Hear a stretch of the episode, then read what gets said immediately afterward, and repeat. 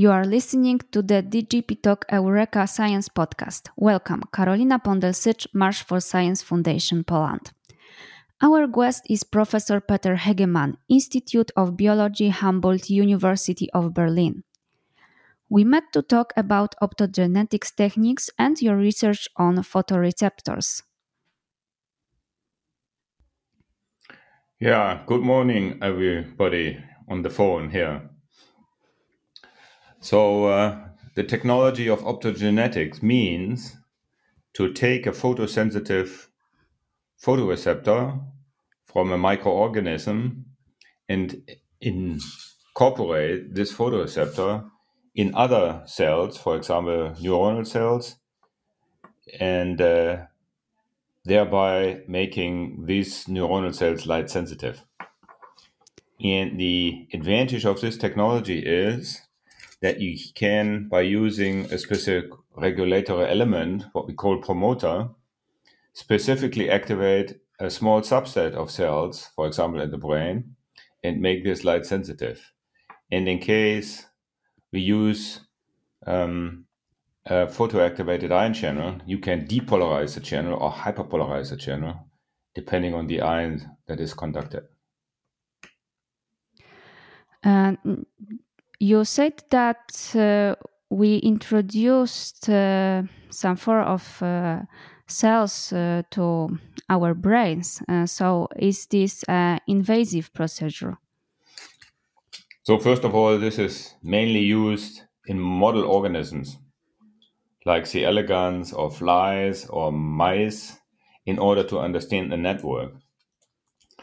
But uh, this is true that the new technology is far less invasive than previous electrical recordings because it's specific and after you inject the virus which transports a gene into the brain you don't have to touch the organism or the yeah or the model system by any means anymore. So this is a remote activation by light you are one of the researchers who discovered uh, uh, channel rhodopsin, a family of uh, light activated uh, ion channels. What was the path to this uh, discovery? So, during my PhD work, I worked with uh, Dieter Oesterhelt at the Max Planck Institute in Munich on light activated proton pumps. And then to become an independent member of this institute, I had to work on something else. So I switched from bacteria to green algae and studied the behavioral responses, especially Chlamydomonas, which is a model organism for algal research. Um, we observed how they move towards or away from light. And we're interested in the photoreceptor that controls this behavior. This was the beginning of our work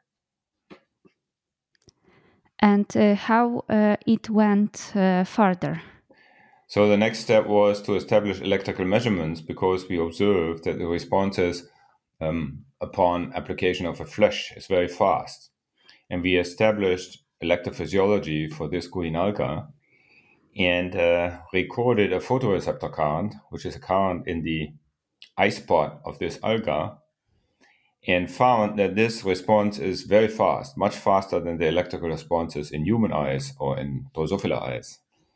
And we concluded that the ion channel and the photoreceptor are one unit. And then we studied this system over 10 years or so and concluded that it must be one molecule. And it took us another 10 years to identify this molecule.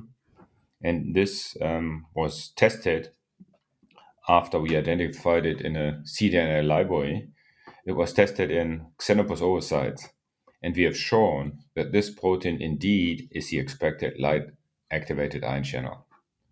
That was a major breakthrough.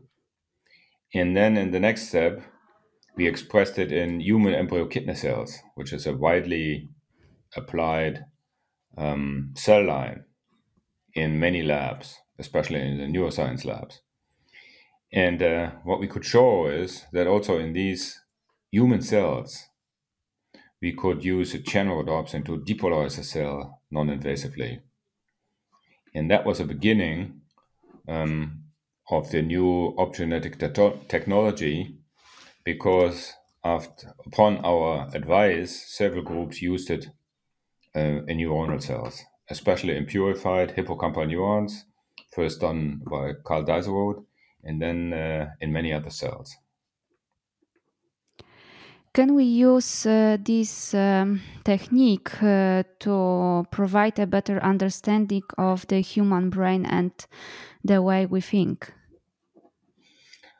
Yeah, for example, if you have a cell, special cell types, cell cell type in a special place of the brain, can be an astrocyte or, or any other um, cell type in neurons, you can use a special promoter and then ask the question, what are these cells doing? And uh, for example, um, we teamed up with Karl Deisseroth in Stanford, and we have shown together that uh, excitation and inhibition of the prefrontal cortex, so the area where our emotion and our sexual responses and our aggression is uh, implemented, how these different cells are controlling these different behaviors or different moods.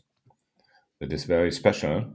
And uh, that was an initiation of a wider application, as for example, testing of appetite or sleeping, awakeness, anxiety, and many other modalities of the brain by using this technology. Uh, so we can uh, use this uh, optogenetics brain simulation to help uh, to fight uh, some neurological disorders uh, such as Parkinson disease or others? Um, application is again a very difficult step forward because application means that is is an the disease is a single gene disease and then you can certainly um, repair it or modify it but for other cases, we have to complement these issues. And this can be done by, by um, optogenetics. But on the other hand, the cells that are responsible for that disease should be localized in a very small area,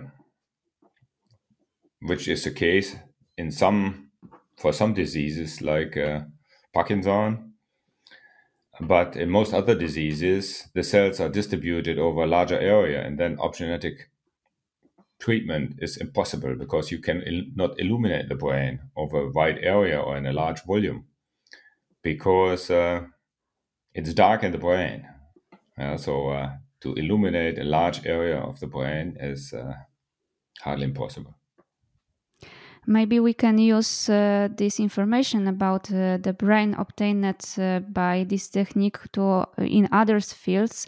Uh, for example artificial intelligence is currently a hot topic.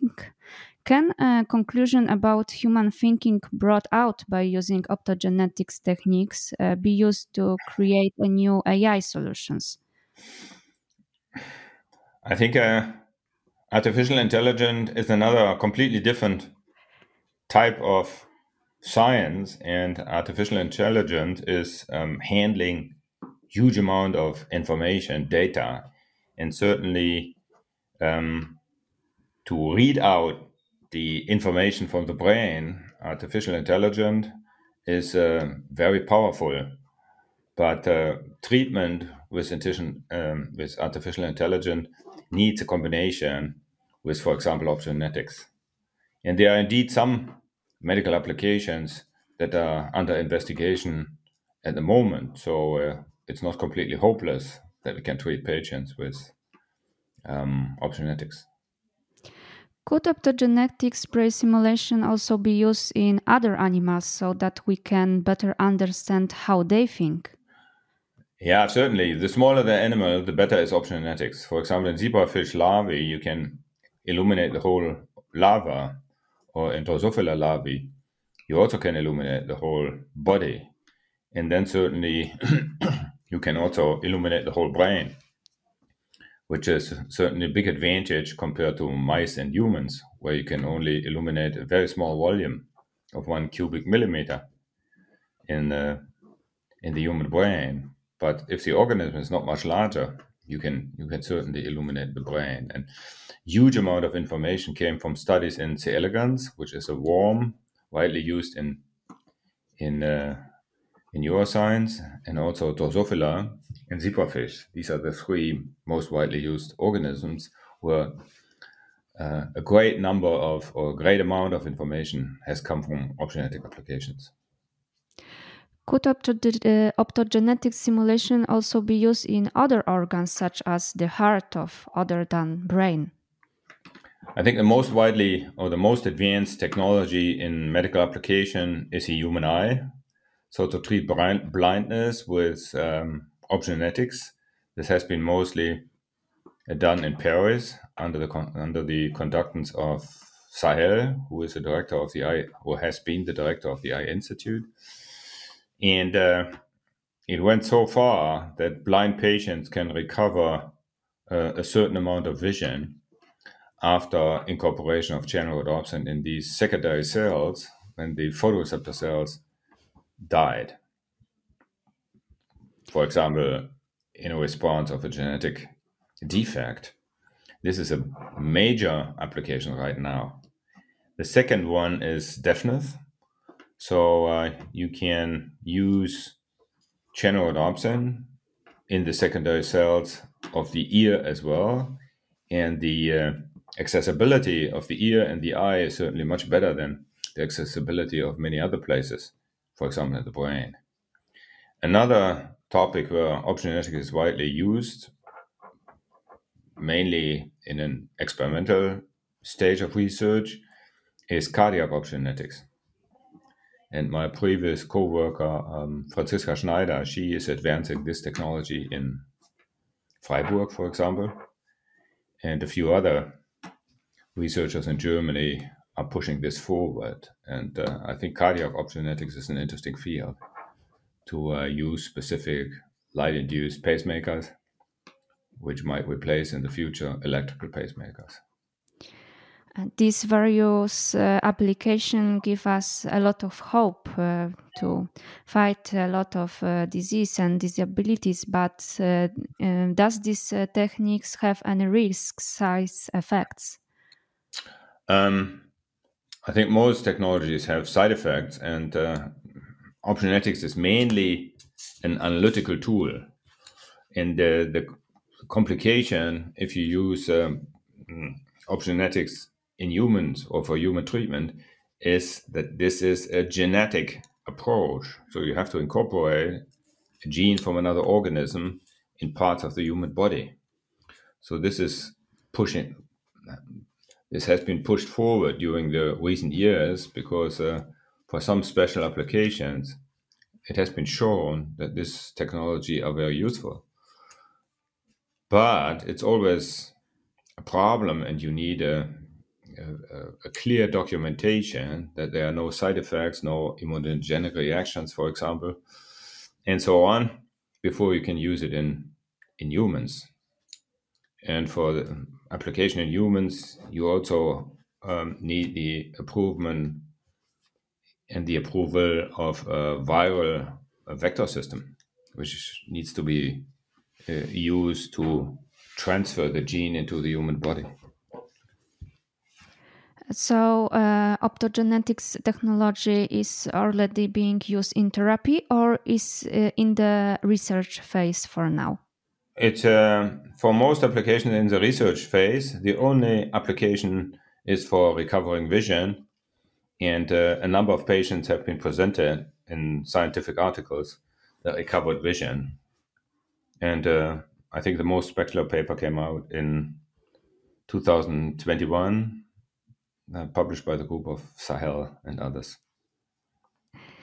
So I hope uh, it uh, could be. Um, uh, it uh, we, will have a lot more application in therapy soon. thank you very much for sharing your knowledge and taking the time for us.